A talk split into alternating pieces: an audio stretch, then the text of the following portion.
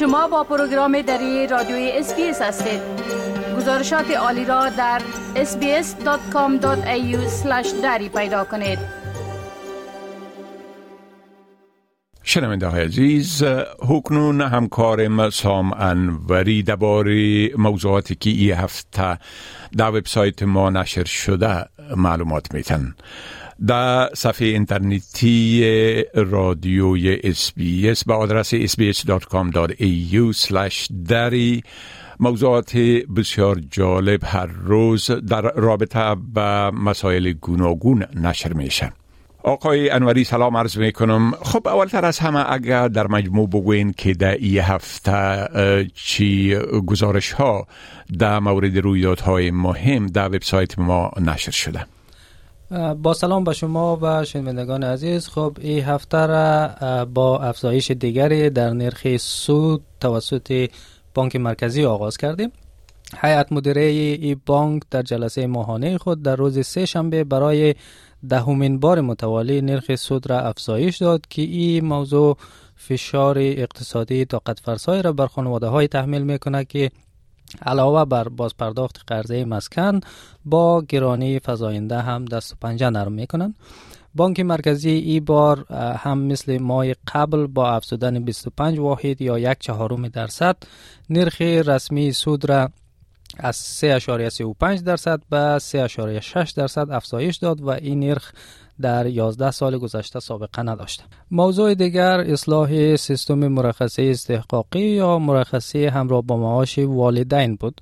حکومت کارگر هفته توانست که اصلاحیه را در مجلس تصویب کنه که بر اساس او از ماه جولای امسال دسترسی والدین به مرخصی همراه با معاش آسانتر و انعطاف پذیرتر میشه و تعداد بیشتری از پدران و مادران جدید می‌تونه که واجد شرایط ای مرخصی شناخته شود. همچنین روز چهارشنبه هفته مصادف با 8 مارچ یا روز جهانی زن بود. در همین زمینه گزارشی از اظهارات سرمنشه سازمان ملل داشتیم که در او گفته شده بود که با روی کار آمدن رژیم های مانند طالبان بشریت از مسیر برابری جنسیتی دورتر شده است. در عرصه مهاجرت مسئله خانواده ساکن شهر پرت داغ بود که نزدیک بود به دلیل معلولیت فرزندشان از استرالیا اخراج شوند. اما در نهایت وزیر مهاجرت در موضوع آنها دخالت کرد و با استفاده از اختیارات قانونی خود به آنها ویزه دائمی داد. سفر نخست وزیر انتونی البنیزی در رأس یک هیئت بلندپایه به هند یکی دیگر از موضوعات مهم هفته بود. آقای البنیزی در دومین روز حضور خود در هند از اولین نوع هواپیمابر هند دیدن کرد و اظهار داشت که هند از شرکای امنیتی درجه اولی استرالیا می باشه موضوع دیگری که برای جامعه هزاره در استرالیا خیلی مهم بود تشکیل یک گروه دوستی پارلمانی به نام دوستان پارلمانی هزاره ها بود که هدفش دادخواهی برای هزاره ها در سطح فدرال است و در این هفته دومین قسمت مجموعه پودکاست روزانه به استرالیا را منتشر کردیم که در او به نظام آموزشی استرالیا و تفاوت‌های آن با سایر کشورها پرداخته شده است. روزانه به استرالیا مجموعه پودکاست جدیدی است که سعی دارد شنونده ها را با جنبه های برجسته فرهنگ استرالیا آشنا کنه کسانی که مایل به شنیدن این مجموعه باشند می‌تونن از طریق وبسایت SBS دری اپ SBS Audio و همچنین Apple Podcast Google Podcast و Spotify به اونها گوش بدن بله.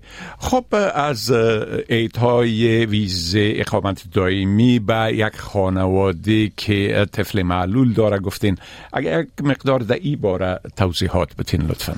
بله موضوع خانواده این هفته توجه زیادی به خود جلب کرد و پوشش گسترده رسانه‌ای یافت و اما پایان خوش داشت و در نهایت این خانواده توانستند که با دخالت شخصی وزیر مهاجرت اندرو جایلز ویزه دائمی بگیرند موضوع از قرار بود که یک زوج هندی ساکن شهر پرت ابتدا در سال 2020 درخواست اقامت دائمی داده بودند.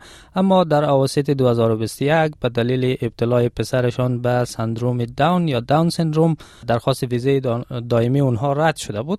دلیل رد درخواست ویزه دائمی آنها همین بود که فرزند ارشدشان که ده سال داره به دلیل داشتن سندروم داون باردوش مالیات دهندگان استرالیا تلقی شده بود از سوی دولت. این زوج پس از او در محکمه استناف اداری درخواست تجدید نظر کردند که این درخواست هم ماه گذشته رد شد و حکومت 35 روز به آنها مهلت داده بود که با فرزندان خود استرالیا را ترک کنند. اما بعد از سر و صدای رسانه‌ای وزیر مهاجرت روز پنجشنبه در نامه به آنها اطلاع داد که با استفاده از اختیارات خود به آنها اقامت دائمی اعطا کرده.